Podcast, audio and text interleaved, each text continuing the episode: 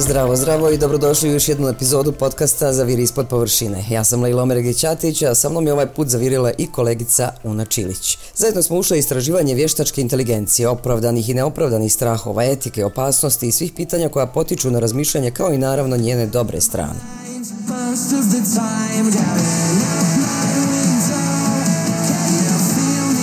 Šta bi ovo? Oasis? E nije. Tu je grupa Britanaca koji više nisu mogli da čekaju okupljanje grupe Oasis u stvarnom životu pa su uz pomoć vještačke inteligencije lažirali glas Liama Gallaghera i eto dobili lažni Oasisov album Lost. Strašno je, da? Lako nas je prevariti. Zašto AI moramo znati više kako ne bi manipulisalo nama? Kakve su opasnosti? Kako nas može obmanjivati? Koji su načini prepoznavanja i borbe protiv neistine? Kakva bi mogla biti mračnija strana AI zbog etičkih dilema i mogućih zloupotreba? Mogu li pratiti zakoni? Može li zamijeniti čovjeka? Više od dvije trećine Amerikanaca zabrinuto je zbog negativnih efekata, a 61% vjeruje da bi to moglo ugroziti civilizaciju, pokazuje Reuters Ipsos istraživanje. Uznemirenost se širi jer je OpenAI ChatGPT postala najbrže rastuća aplikacija svih vremena. OpenAI je započeo utrku, a Microsoft i Google nadmeću se da nadmaše jedni druge. Uh, Anketar u Ipsosu Clifford Young kaže da su posebno pitali o egzistencijalnoj prirodi čovečanstva i hoće li AI uticati na to. I 61% Amerikanaca misli da hoće. I očito moramo to staviti u kontekst. Amerikanci su se nagledali mnogo naučne fantastike i kako se to odvija. A ja sam u međuvremenu popričala malo sa AI, baš je pokupila svu pamet svijeta bukvalno je kupi. Pitala sam je neke stvari u vezi sa zloupotrebom. Na primjer, rekla mi ako se razvije kao oružje i padne u krive ruke, može doći do ozbiljnih sigurnosnih prijetnji. E čuj, pa prave informacije u krivim rukama su uvijek problem. Evo kako razmišlja o AI moja kolegica Aida Đugom. Ja znam kad se udomačio internet kod nas. Znači, iako je bio 21. vijek, ljudi su govorili to je đavoljska stvar. Znači uvijek imamo predrasude, ali s dobrom kontrolom, umjerenošću u korištenju i onome kako da znamo kako treba koristiti nešto, možemo imati dobrobiti od toga, jer sve ima i dobru i lošu stranu. E, ne treba u principu kontrolisati vještačku inteligenciju, nego treba i kontrolisati ljudsku inteligenciju. Inteligenciju, tako je.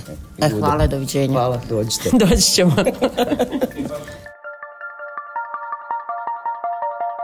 A sad ću da vam ispričam kako sam napravila sljedeći intervju. Prvo sam na chat GPT napisala otprilike napravim intervju vještačkoj inteligenciji sa stručnjakom za podcast za viri ispod površine koji govori o osnovama AI, upotrebi u industriji, etičkim pitanjima i mjerama koje se mogu poduzeti u etičkom smislu. Sama je dala ime i prezime stručnjaku, sve napravila i uvodi pitanja i odgovore i onda sam na Murph AI ubacila tekst i odabrala Charlotte i Adriana koji su ga pročitali na engleskom. A zatim sam prevod teksta ubacila na Spictor.com koji je također softver sa AI napajanjem koji pretvara tekst u audio pa sam našla srećka koji je to sinhronizovao. Uglavnom ja sam se tu sita naradila tako da su ove moje vještačke inteligencije za sirotinju. Danas nam se pridružuje profesor dr. Emil Carter, cijenjeni istraživač AI. Dobrodošli profesore Carter. Hvala vam, Leila. Zadovoljstvo je biti ovdje. Počnemo sa kratkim pregledom vještačke inteligencije. Kako biste definisali AI i njene glavne komponente? Vještačka inteligencija ili AI odnosi se na razvoj kompjuterskih sistema koji mogu da izvršavaju zadatke koji bi obično zahtjevali ljudsku inteligenciju. On uključuje različite komponente kao što su mašinsko učenje, obrada prirodnog jezika, vid računara i robotika. Mašinsko učenje naročito, omogućava sistemima da uče iz podataka i poboljšaju svoje performanse tokom vremena bez eksplicitnog programiranja. To je fascinantno. AI je napravila značajne korake posljednjih godina. Možete li nam dati neke primjere kako se AI koristi u različitim industrijama? Svakako. AI transformiše brojne industrije. U zdravstvu AI se koristi za unapređivanje dijagnostike i personalizovanje oblikovanje planova lečenja. U financijama, AI algoritmi se koriste za otkrivanje prevara, algoritamsko trgovanje i procenu rizika. AI također pravi revoluciju u transportu sa razvojem autonomnih vozila, optimizacijom protoka saobraćaja i predviđanjem potreba za održavanjem. Pored toga, chatbotovi sa AI napajanjem i virtualni asistenti pospešuju korisnički servis u svim industrijama. Te aplikacije zvuče obećavajuće, ali kako je AI postaje rasprostranjenija, postoji zabrinutost zbog njenih etičkih implikacija. Možete li nam protumačiti etička razmišljanja koja prate AI? Apsolutno. Etička razmatranja su ključna kada je AI u pitanju. Jedna od značajnih briga je potencijalna pristrasnost u AI sistemima. S obzirom da ovi sistemi uče iz podataka, pristrasnosti prisutne u podacima mogu da se pojačaju, što dovodi do diskriminatornih ishoda. Od ključnog je značaja da se obezbede raznovrsni i reprezentativni skupovi podataka i da se uključe mjere pravičnosti tokom razvoja AI. Privatnost je još jedna briga. AI se često poslanja na ogromne količine podataka, pa se povlače pitanja o sigurnosti podataka i pravima na privatnost pojedinaca. Na kraju, postoje šira etička pitanja oko uticaja AI na zapošljavanje, odgovornost i potencijal za zloupotrebu. Ta etička razmatranja su zaista od vitalnog značaja. Koje mjere možemo poduzeti da osiguramo odgovoran razvoj AI? Odgovoran razvoj AI zahteva multidisciplinarni pristup, saradnja između istraživača, kreatora politike i etičara od suštinskog je značaja za uspostavljanje smernica i standarda. Transparentnost u AI algoritmima i procesima donošenja odluka je od ključnog značaja za rešavanje pristrasnosti i obezbeđivanje odgovornosti. Pored toga, tekući javni diskurs i angažovanje su neophodni da bi se oblikovala putanja AI na način koji je koristan društvu u celini benefit society as a whole. Thank you, Hvala vam profesore Carter što ste podijelili svoju stručnost i uvide o AI s nama. Bio je to prosvjetljujući razgovor. Thank you. Hvala vama. Bilo mi je zadovoljstvo biti dio podcasta Zaviri ispod površine. A kad se me pitala da li je ona lopov koji krade sve ove podatke s interneta i krši autorska prava, rekla mi je nisam lopov, ja ne kradem, te da se odgovori temelje na njenom razumijevanju teme kao jezičkog modela obučenog na različitim internetskim tekstovima, uključujući web stranice, članke, radove, forume i druge izvore informacija. Čuj članke, radove, čije? Ali hajde dobro da ne dižem tenzije, ne postavljam dalje teška pitanja. Mnogo se priča o tome kako će i na koji način preoblikovati svijet u kojem živimo. Može na bolje, može na gore, zavisi i od nas i od zakonske regulative. A kako su se tek uplašili oni koji su je kreirali? Uf, znaju da su stvorili silu, ali djeluje kao da nemaju protuotrov. Evo, na primjer, Jeffrey Hinton, kojeg zovu i kumom vještačke inteligencije. Dakle, ako ste vješt manipulator i ove stvari će biti izuzetno vješti manipulatori, jer će naučiti svih manipulacija koje su ljudi ikada učinili tako da će biti puno bolji od osobe koja manipulira nama. Moći će nas izmanipulirati da radimo što god žele. Biće kao da manipuliraš dvogodišnjim djetetom. Dakle, ne moraju povlačiti poluge ili pritiskati tipke. Ideja vazdušnog jaza da će sve biti u redu neće uspjeti. Vazdušni jaz koji pominje Hinton je sigurnosna mjera koja izoluje računar i onda on nema mogućnost da se poveže bežično ili fizički sa drugim računarom ili mrežnim uređajima. E znači, sa vještačkom inteligencijom te kontrole nema. Hinton je nedavno dao otkaz u Google poručivši da želi slobodno govoriti o rizicima ove tehnologije. Pozivamo sve laboratorije za umjetnu inteligenciju da odmah pauziraju najmanje šest mjeseci obuku sistema vještačke inteligencije snažnije od GPT-4, piše u otvorenom pismu naučnika, eksperata raznih profila, poslovnih lidera i tako dalje. Pismo je do ovog trenutka potpisalo skoro 32.000 ljudi, ono što sam ja vidjela na internetu. A izvršni direktor OpenAI Samuel Altman, kojeg čujete ispod mog prevoda, kaže da ako ta tehnologija krene naopako, a može, jasno poručuju da žele da rade s vladom na sprečavanju da se to desi. Altman također navodi kako je jedna od najvećih zabrinutosti sposobnost ovih modela da manipulišu, uvjeravaju, pružaju neku vrstu jedan na jedan interaktivne dezinformacije.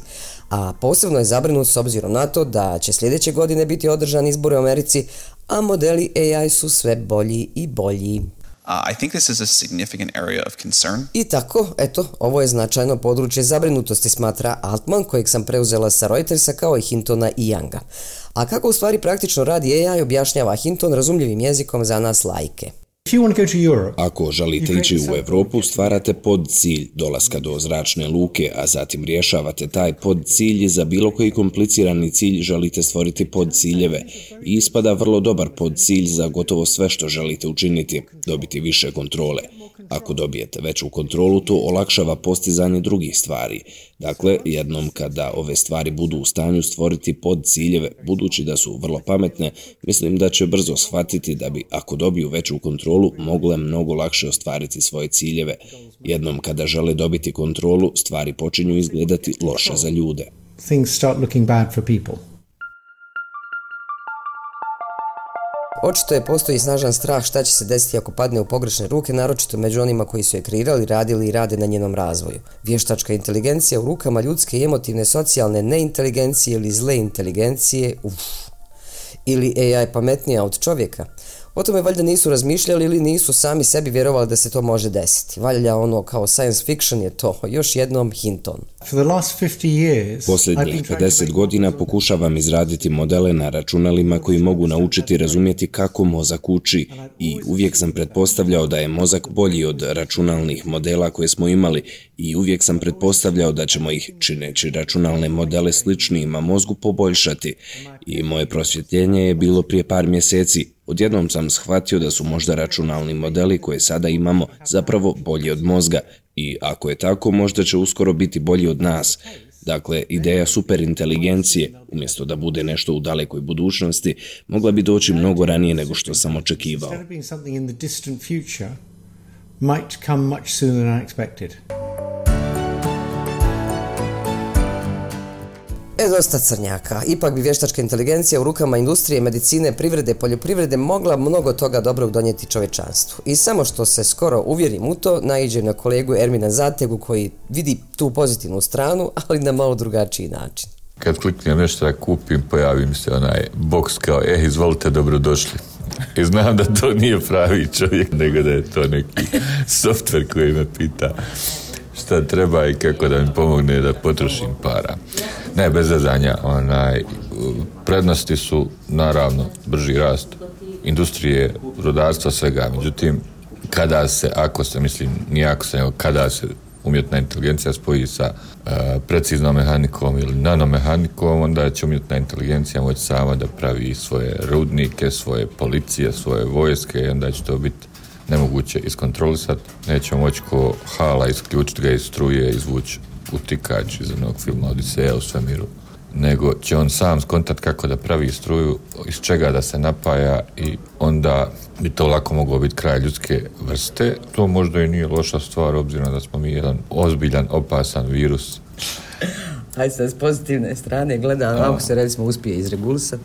Ako se uspije izregulisati, to definitivno znači apsolutnu dokonost ljudi koji neće imati obavezu da sami urade bilo šta, sve će im biti jeli, na izvolite i spremno, što onda opet ide u negativne onaj, pravce, jer kao i razmaženo dijete koje dobije sve, onda na kraju odraste u osobu koja je disfunkcionalna i, i nezadovoljna i vječito smatra zaslužuje više i uzima sve ono što dobija za, zdravo za gotovo, tako da ne zna uživati u tome i bude razmaženo derište ili razmaženo odraslo derište. Ako te dobro razumijem, motaj kablove, gasi motaj sve. kablove, gasi sve, ali napredak i razvoj se ne može zaustaviti. Dakle, tu smo gdje smo. Tu smo Razvijajmo se do kraja. Do kraja ne motam kablove, ima još mnogo toga za reći. Bez eksperata ZIP ne može, a ovog puta je za taj dio zadužena Una Čilić koja je dosta zainteresovana za ovu temu pa nam je tako svašta saznala.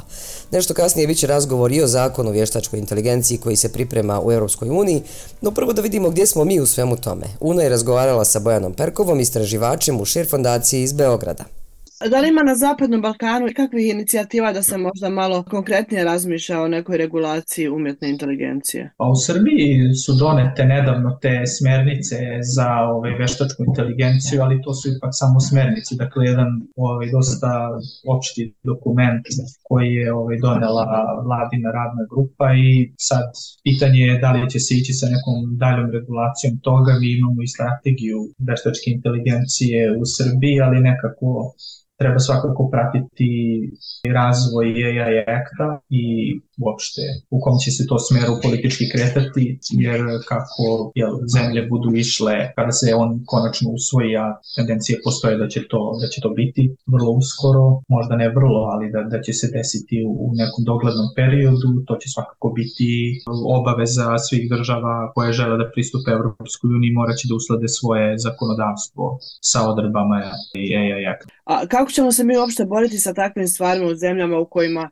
a, ne postoji neka velika regulacija interneta a, i, i, i gdje postoji nizak a, stepen medijske pismenosti. Da, dakle to, to su neki da kažemo, možemo slobodno da kažemo du, dubinski društveni ili kor problemi jel, određenih društava gde tehnologija samo predstavlja još jedan sloj, a nije nužno rešenje za, za to što možda se desi i onda se upada u tu takozvanu zamku tehnosolucionizma. Sad ćemo mi da napravimo, ne znam, aplikaciju za nešto i to će rešiti problem neki koji postoji u društvu, a zapravo problemi su mnogo dublji od toga. Problemi nedostatka demokratskog potencijala, vladavine prava, da sada ne ulazimo u te ovaj, ploskule toliko puta izrečene, ali to je suština, dakle, u zavisnosti i mnogo uređenija društva, da kažemo, Srbije i Zapadnog Balkana, nekako ne znaju kako da se uhvate u koštac sa svim tim izazovima, a tek je to ne, nezgodna situacija kada vi imate neke, da kažem, mnogo šire društvene probleme koji se nagomilavaju godinama i sa kojima se vrtite stalno zapravo u krug i onda kako dođe novi izazov, tu je, samo se ukupnjavaju zapravo ti problemi, iako se nekako konstantno rešenje na, po mom mišljenju pogrešno traži. A kako ćemo ga tražiti? Pa mislim pre svega u, u nekom da kažemo možda u razvoju svesti, ali pre se možda i kod političkih elita, ne, ne znam. To je, to je pitanje od milion dolara što, što se obično kaže, ali svakako rešenje treba da bude sistemsko, a ne neko ad hoc i da kažem pojedinačno kako se sad nešto pojavi, pa šta ćemo da radimo, nego jednostavno da, da postoji neki neki dugoročni ovaj proces i da, da prosto stvari koje, koje su suštinskog značaja, znači poštovanje ljudskih prava, međunarodnih standarda na koje su se države obavezale, vladavina prava i opšte razvoj i napređenje ljudskih i građanskih sloboda i same, da kažemo, otpornosti društvenog sistema na, na neke krize izazove može da doprinese i tome da se onda efikasnije promišlja o nekim stvarima. Ukucate u pretraživač BiH vještačka inteligencija, ima tu i naučnih konferencija, naučnih radova, ulazak AI u industriju i privredu i tako dalje, ali kad ukucate Vijeće ministara BiH usvojilo strategiju vještačkoj inteligenciji ispod svakog sajta koji se pojavi piše, znate ono, nedostaje prekriženo, vještačka inteligencija. Uglavnom, Una nastavlja razgovor sa Bojanom koji nam demistifikuje priču o AI, edukuje nas i poziva, naravno, na kritičko razmišljanje. Ono što se meni čini, kad god čitam o, o umjetnoj inteligenciji i kad god razgovaram s ljudima, jeste da nekako su ljudi podijeljeni na dvije strane.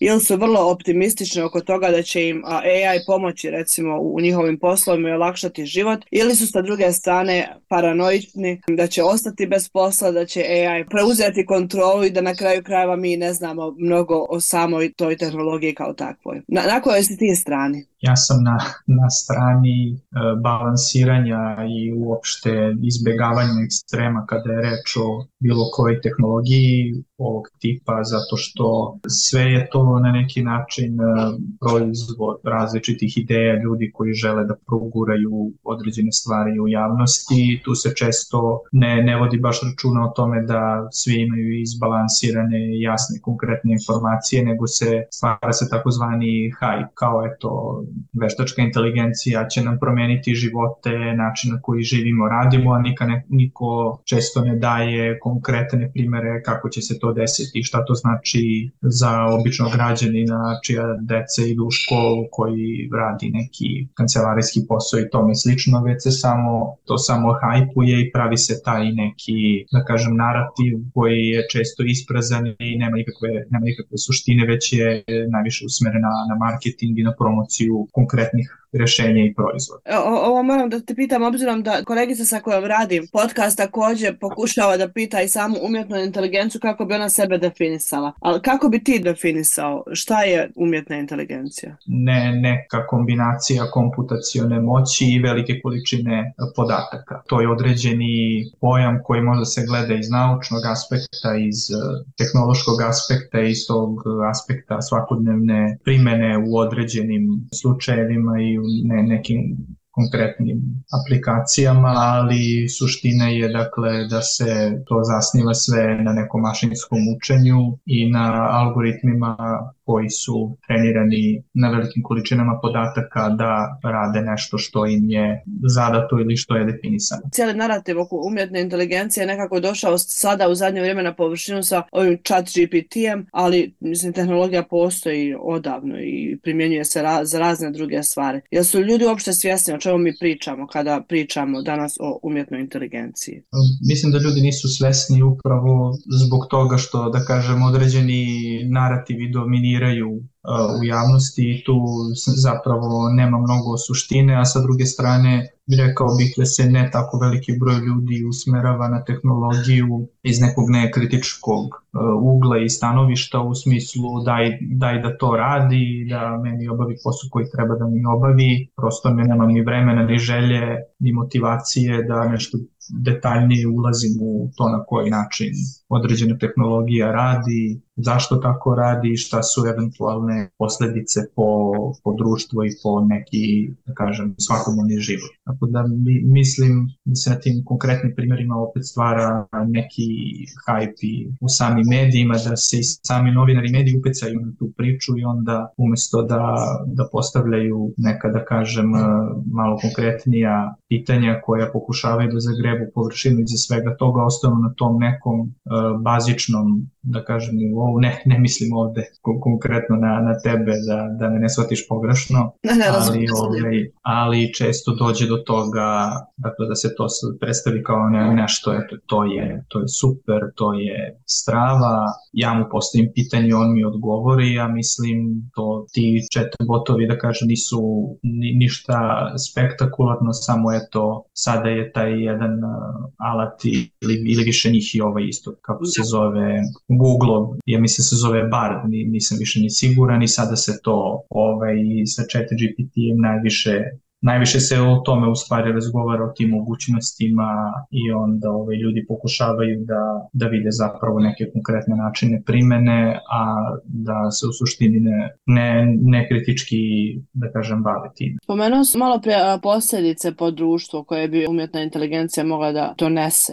Šta ti vidiš danas kao jedna od, od mogućih posljedica? Meni se čini da, već sam na nekoliko mesta to čuo, da zapravo tu dolazimo do ne, nečega što, ako mogu kolokvijalno da kažem, presipa iz šupljeg u prazno, a opet sa druge strane e, imaš hajpovanje toga kao da je to sad ne znam e, kakav moćni i preznajući entitet koji brzo može da izbaci odgovor ili može e, da uradi neki zadatak prilično jednostavno. I u tom smislu ono, što jel, razlikuje iz pored svih drugih stvari ljudska bića od mašine jeste ta mogućnost nekog kreativnog razmišljanja, kontekstualnog razmišljanja, logičkog povezivanja, razumevanja, ne smemo tu ljudsku komponentu da isključimo iz rada. Nekako ta eliminacija ljudskosti i svođenje sve na neku hiperprodukciju, hiperacionalizaciju procesa, hiperefikasnost, to onako stvara malo neki pogled na svet i na, na društvene procese koji mogu biti vrlo problematični. Sad u Americi je trenutno u toku, mislim, štrajk pisaca u Hollywoodu, koji između ostalog traže isto i regulaciju AI-a i da se na, na neki način ne koristi ti tulovi za, za, za pisanje jel, potencijalno skripti. A onda sam poslije toga čitala komentare nekog američkog profesora koji kaže u stvari upravo nešto na, u tom toga što si sada rekao. Nikakav chat box ne može da izmisli novi skript, on može da napiše skript na osnovu onoga što postoji već na internetu, ali ta kreativnost koju čovjek ima, to, to je nezamjenjivo. Upravo tako, dakle on, on može da nešto sublimira, da spakuje, da upakuje, da da to na izgled ima nekog smisla i da je to neki, da, da kažemo, tekst koji može da služi kao neka vrsta umetnotog teksta i tome slično, mislim može da bude i, ne znam, ljudi su tražili od chat GPT-a da napiše rap pesmu i tome slično, ali to je sve nekako vrlo, da kažem, na nekoj simpatičnoj bazi. I nisam siguran koliko vrednost toga može da bude kompetitivna u poređenju sa pravim reperom ili sa, ne znam, piscem bićem, ljudskim bićem koje ima toliko socijalnog e, kapitala u sebi, kapaciteta, iskustva, e, kreativnih veština, nečega zapravo što je veoma traženo i na, na tržištu rade, ali tako mislim da ni, ni mašine baš ne mogu da budu potpuno ovaj, obučene, da u potpunosti zamene ljude koji rade te poslove imajući u vidu taj korpus znanja koji pa kreiraju ljudi, na osnovu koga se te mašine treniraju. Evo s druge strane, ne znam, Spotify uklanja pjesme koje su napravljene na osnovu AI-a. Videla sam čak neki tekst da je neki band izbacio novi album Oasisa preko AI-a zato što Liam neće da pjeva ovaj, koji je urađen na tom tonu. Mislim da će nam nekako trebati i nama samima malo vještina da naučimo kako da i da prepoznamo sadržaj danas koji je napravljen kroz o, umjetnu inteligenciju i da možda malo više razmišljamo o, o, o onome šta gledamo, čitamo ili slušamo, imajući i to u vidu. Upravo tako, mislim,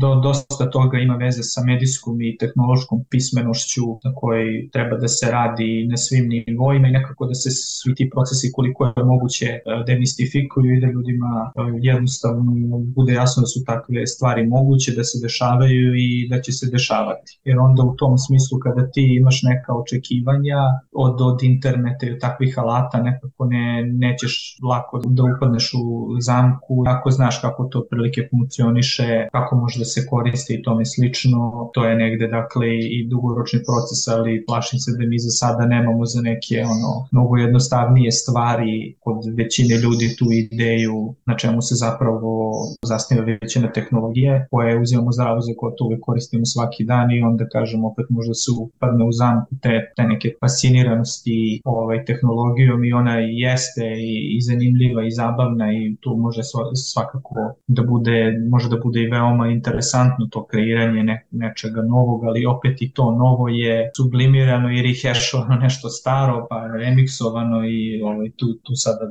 dolazi do brojnih konflikata i s aspekta autorstva, kreativnosti, intelektualne svojine, da ne govorimo o eksploataciji resursa, ima recimo ovaj, jedan rad gde su radili koliko svaki upit chat GPT-u potroši, koliko se vode potroši, imajući u vidu i ogromnu tehničku infrastrukturu koja je neophodna da bi toliki broj ljudi u tolikom trenutku mogao da šalje toliki broj upita ovaj, chat GPT. Evo, spomenuo si i sadržaje koji se i danas plasiraju poput sa recimo Mid Journey ili tako slični aplikacija. Ova slika sa papom koja je bila ono, viralna i koja je tolike ljude prevarila. To je opet nekako samo početak, čini mi se. Šta mi da radimo kako bi bili spremni na recimo AI slike koje će uslijediti? Na koji način treba da naučimo da ih prepoznamo? Koje vještine treba da izvježbamo? Mislim da mora sve da, da krene od te svesti, ideje, šta sve ti alati mogu i da prosto će se takve stvari pojavljivati, a da negde i da se ne oslanjamo dakle na prvu loptu, nekako kao onaj stari način razmišljanja je nešto je bilo u novinama, pa sad kao to ako je bilo u novinama mora da je tačno. Mislim, to imamo i u svakodnevnom životu svuda oko nas sretnemo osobu koja nam i priča neke neverovatne priče, da joj se nešto desilo i vi ćete nekako sa dozom skepse se na osnovu svog nekog iskustva životnog i racionalnog razmišljanja uzeti da li je nešto verodostojno, moguće, istinito ili nije. Tako je isto i sa internetom i stvarima koje tamo viđemo. Sigurno ima veliki broj kreativnih, ali isto tako i maliciznih ljudi koji će pokušavati da iz propagandnih ili nekih drugih razloga, tu to sada ne možemo da ulazimo, pokušavati da podmetnu nešto podvale i to je ono čega treba da, da budemo svesni i o čemu treba da razmišljamo. Upravo to. Mi sve pričamo nekako ono o mašinama i to se čini kao sa jedne strane abstraktno, ali s druge strane neko je postavio pitanje chat GPT-u, neko je dao zadatak za sliku za Mid Journey, neko je na kraju krajeva napisao kod i ljudski faktor je jasan i kod e, umjetne inteligencije. Koliko onda mi možemo nekako pričati o tome, o pristrasnosti takve tehnologije? Pristrasnost je dosta komplikovana stvar, ali jednostavno cela ta tehnološka komponenta ne može prosto da bude e, izopštena iz opšte društvenog konteksta u kome se ona nalazi. Dakle, ako vi imate setove podataka koji su sami po sebi rasistički, mizogini, puni su prosto negativnih kvalifikacija o različitim ljudima na osnovu njihovog socijalnog statusa i tome slično i ono što dobijete negde kao izlaz, teško da, mu, da može da bude mnogo drugačije. I ovaj, u tom kontekstu jako je teško dostići neku savršenu objektivnost, tako i nemoguće i onda i prosto i same društvene vrednosti ljudi koje dizajniraju tu tehnologiju, promišljanju o njoj se reflektuju na, na sam proizvod. A upravo ove tehnologije razvijaju ljudi koji su dolaze iz jako specifičnog konteksta, to je taj neki mindset i uopšte način razmišljanja tipičan za ovaj tu Silicijunsku dolinu mi isto to to je ipak jedna jako jako privilegovana uh, grupa ljudi iz nekog da kažemo društveno političko ekonomskog nekog mehura, te onda je jako teško da se, da se ovaj, iz toga izađe često i zato i dolazi do, do možda reflektovanja tehnologije na, na ljude koji nisu u tom bablu, koji su ovaj, ogromna većina, koji nekako trpe ogromne posledice upotrebe i, i primene te tehnologije na njih i naročito ovaj, u kontekstu na neka njihova ljudska prava. I još jednu stvar da ne pomenem, ne znam da li ste već pričali sa chat GPT, ako niste onda znajte da kad god je pitate nešto aktuelno, ona kaže da nema podatke jer je zadnje ažuriranje znanja bilo u septembru 21. A prije nego dođemo do intervjua o Europskom zakonu o AI, ja sam sa još jednim kolegom popričala malo o tome kako on razmišlja o vještačkoj inteligenciji. Mahir Sijamija malo više od nas smrtnika razmišlja o ovoj mreži u kojoj smo upetljani, jer je on jedan od naših urednika društvenih mreža. Pitanje, evo govorimo, kako govorimo o politici. Evo dolazi nam sljedeće godine da se izbora, imamo američki izbore gdje će to sigurno se koristiti. Znači Amerika još nije regulirala to, želi da zabrani. Vidjeli ste sad ove inicijative može se pustiti tek poslije izbora. Ako bude do izbora tu, vidjeli ste sad kako su Trumpa, ono, kad je neko napravio da su uhapsili. Znači, ta jedna fotografija koja je izmišljena napravila havariju. Ja, imaju vas pa. E sad zamislite kad, ja, ja, zamislite kad dođe sad izbori, šta će tu biti?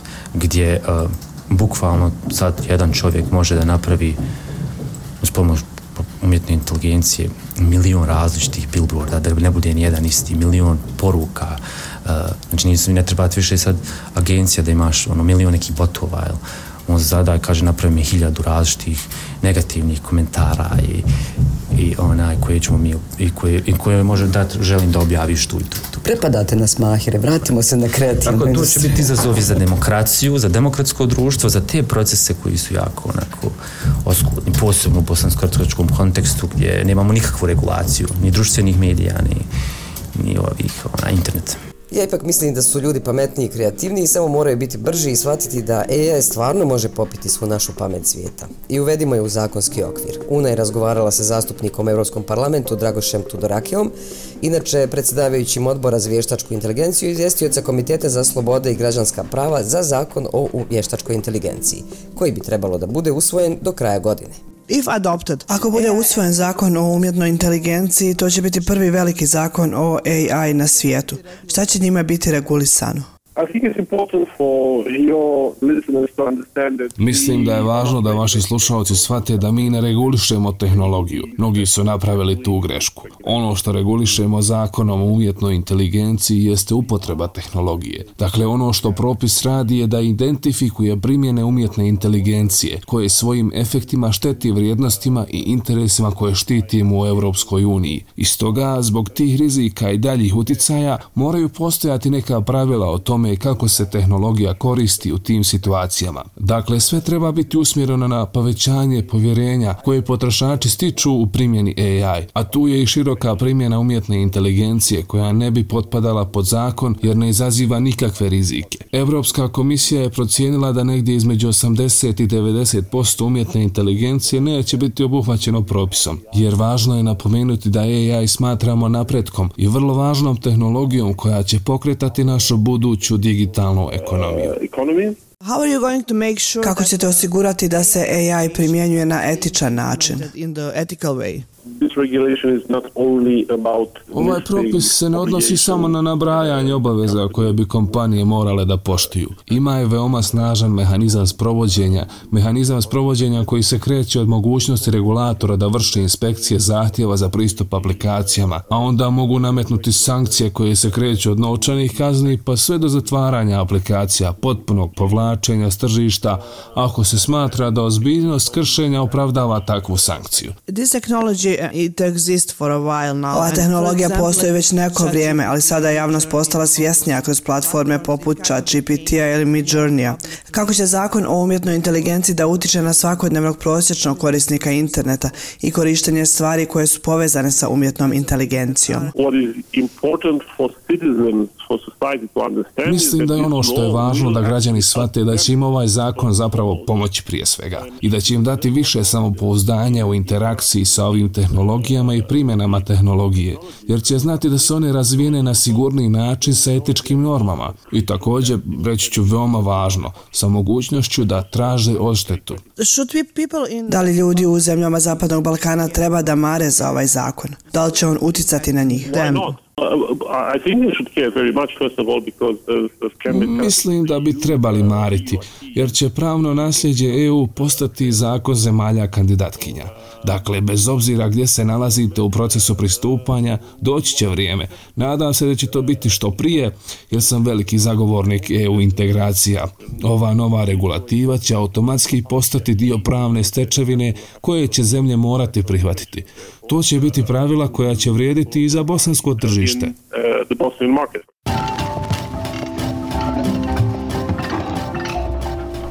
Tako, sve što mi možemo i trebamo je da kritički posmatramo sve pa tako i vještačku inteligenciju, provjeravamo izvore i ne radimo ništa neetično. A neetično je krasti tuđe podatke, radove, neetično je da ti AI piše esej ili naučni rad. Koristi to za smjernice, za učenje, a ne ukraden gotov proizvod. Jer tako nećeš biti ni bolji ni pametniji. I eto, bio je to jedan, recimo, grupni redakcijski zip, jer je nas pet dalo svoj doprinos promišljanju o AI, a u čijem jesmo vrtlogu ili ćemo biti. Kako mediji, tako i bilo koji posao, borit ćemo se u budućnosti sa njenim lošim stranama i koristiti dobre. To već i radimo do duše. Kao i dijeliti privatni život s njom, htjeli mi to ili ne. Etički i inteligentno. Inače, naši sadržaji su na slobodnaeuropa.org i društvenim mrežama, a ovaj podcast, kao i naše druge podcaste, nađete i na Spotify, te Google i Apple podcastima. Ja sam Lejla Omergić-Ćatić i ćao!